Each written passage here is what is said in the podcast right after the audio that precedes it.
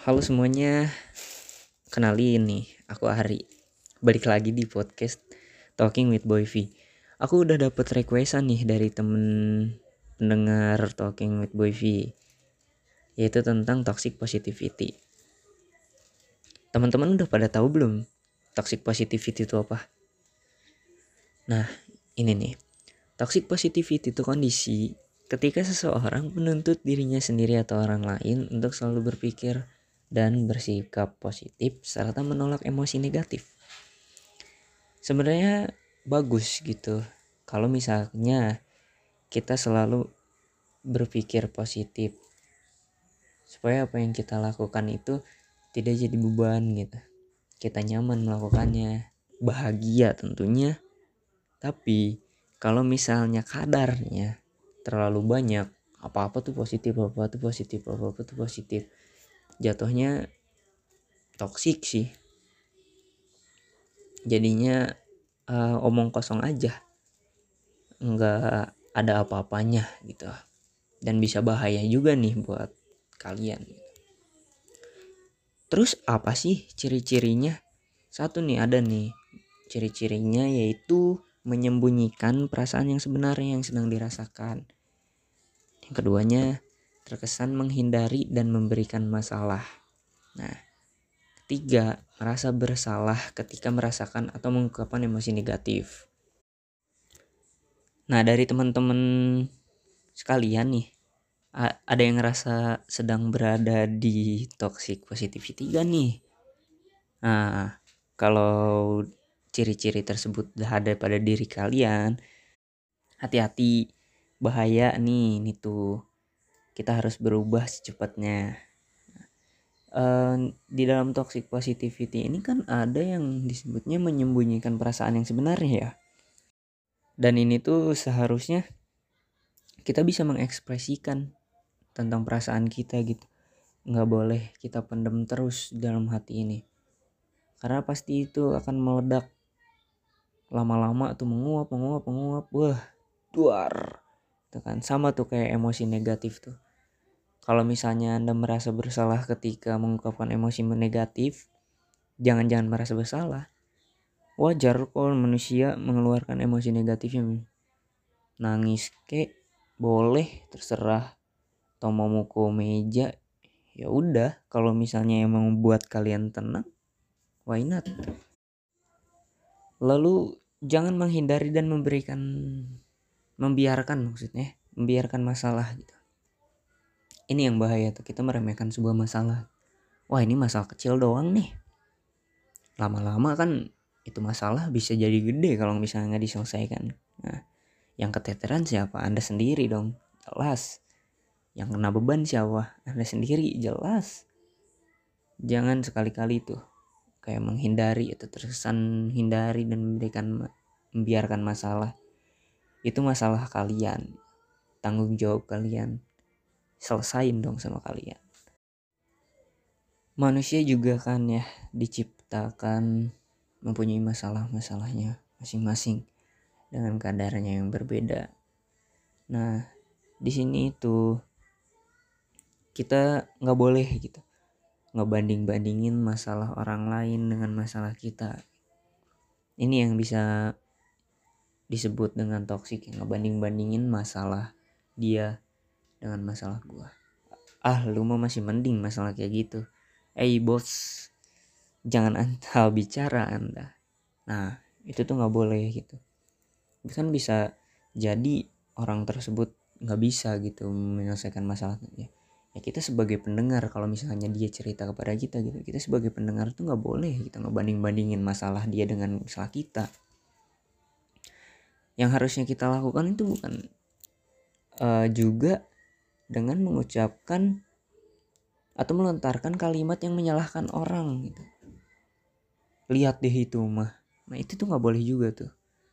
Terus juga memberikan semangat tapi disertai dengan seolah-olah meremehkan gitu. Jangan menyerah belah gitu aja kok nggak bisa. Nah itu tuh nggak boleh tuh. Terus ri gimana sih caranya kalau misalnya ada yang kayak gitu ya tentunya nih kita sebagai pendengar memahami dulu. Memahami nah, baru bisa dipahami. Dengerin dulu orang yang cerita kepada kita nih masalahnya tentang apa. Baru kita bisa berpikir bagaimana caranya penyelesaiannya atau respon kitanya kepada dia gitu. Apakah dia mau saran juga atau hanya ingin didengar gitu.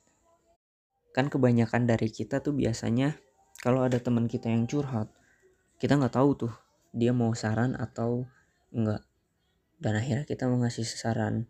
Tapi teman kita nih uh, bisa lebih bete gara-gara itu. Ya karena itu dia hanya ingin didengar gak mau juga disertai saran.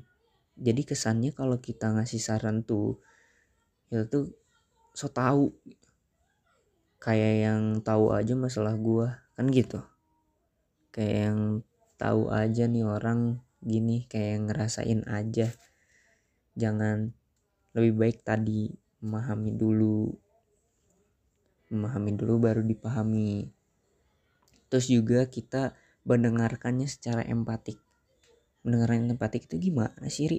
apa sih Ri itu? Mendengarkan empatik itu uh, mendengarkan dengan cara kita mengulang lagi kalimat-kalimat yang udah dilontarkan oleh dia. Dengan cara seperti itu kita jadi lebih terbuka kesannya. Dan si pendengar juga lebih bisa terbuka dengan masalah-masalahnya. Lebih plong dan yang lain sebagainya gitu. dibandingkan dengan kita langsung memberikan respon terus juga kita bisa dengan memberikan bahasa tubuh entah dengan kalau misalnya ke teman kalian dan yang lain-lain menggunakan bahasa tubuh kalian dipakai gitu dan itu lebih kelihatan profesional dan lebih kelihatan berempati kepada orang yang berbicaranya. Oh iya, kalian sadar gak sih kalau misalnya toxic positivity itu akibatnya gara-gara terlalu lebih berekspektasi. Ini menurutku doang ya. Ketika kita berekspektasi terlalu tinggi tentunya kita idealis banget dong. Kita pengen mencapai itu kita pengen mencapai ini. Naif akhirnya. Dan jika tidak dibarini dengan usaha kalian sama aja bohong. Dan misalkan kalian berekspektasi terlalu tinggi. Abis itu positif aja terus positif positif gitu. Nggak ngelihat masalah lain nggak ngelihat masalah-masalah ini. Akhirnya ya bisa menilai sendiri lah. Toxic juga itu.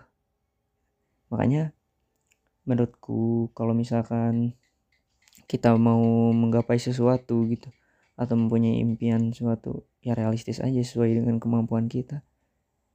Kita bisa mengembangkan diri lebih dulu terus kita sampainya di mana baru kita bisa bermimpi. Bermimpi dulu juga boleh tapi kalau misalnya usaha-usaha usaha terus dan di usaha-usaha itu ya jangan positif terus. Harus ada istirahat harus ada minumnya dulu kan kalau lari juga.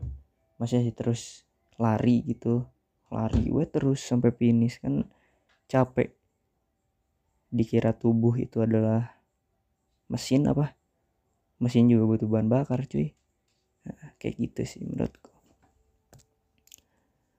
Uh, mungkin segitu kali ya pembahasan dari aku. Oh ya sebelum aku tutup ada beberapa tips nih yang tadi udah disebutin juga dan uh, tips yang selanjutnya ya.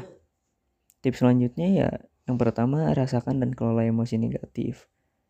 Kelola nih emosi negatif yang mana emosi positif yang mana jangan kadar jangan terlalu banyak dua-duanya. Ya kita harus tengah-tengah gitu. Positif iya ya negatif juga iya dong. Terus juga coba berusaha untuk memahami dan bukan menghakimi tadi kayak tadi gitu. Uh, mendengarkan secara empatik dan memahami dulu baru dipahami gitu. Lalu hindari membandingkan-bandingkan masalah. Nah ini juga nih meremehkan masalah dan lain sebagainya. Terus yang terakhir mengurangi penggunaan media sosial. Ini bisa juga nih. Karena ketika kita melihat media sosial tuh memicu toxic tuh jangan. Pasti akan memprovokasi emosi lu gitu. Dan mending daripada scroll media kayak gitu uh, lebih aku men lebih menyarankan ya untuk melakukan pekerjaan-pekerjaan yang tertunda mengasah kemampuan tadi. Dan melakukan me time atau sebagainya. Kan me time juga penting itu kan istirahat dan tadi mengasah kemampuan juga untuk menggapai cita-cita atau ekspektasi yang punya gitu nah oke okay, segitu mungkin podcast talking with Boy V kali ini untuk selanjutnya kalian bisa request request juga ke IG aku A R I R K H Y T underscore atau ke IG teman-teman Talking with Boy V yang lain juga. Sekian dari aku. Terima kasih semuanya. Stay healthy and safe. Bye bye.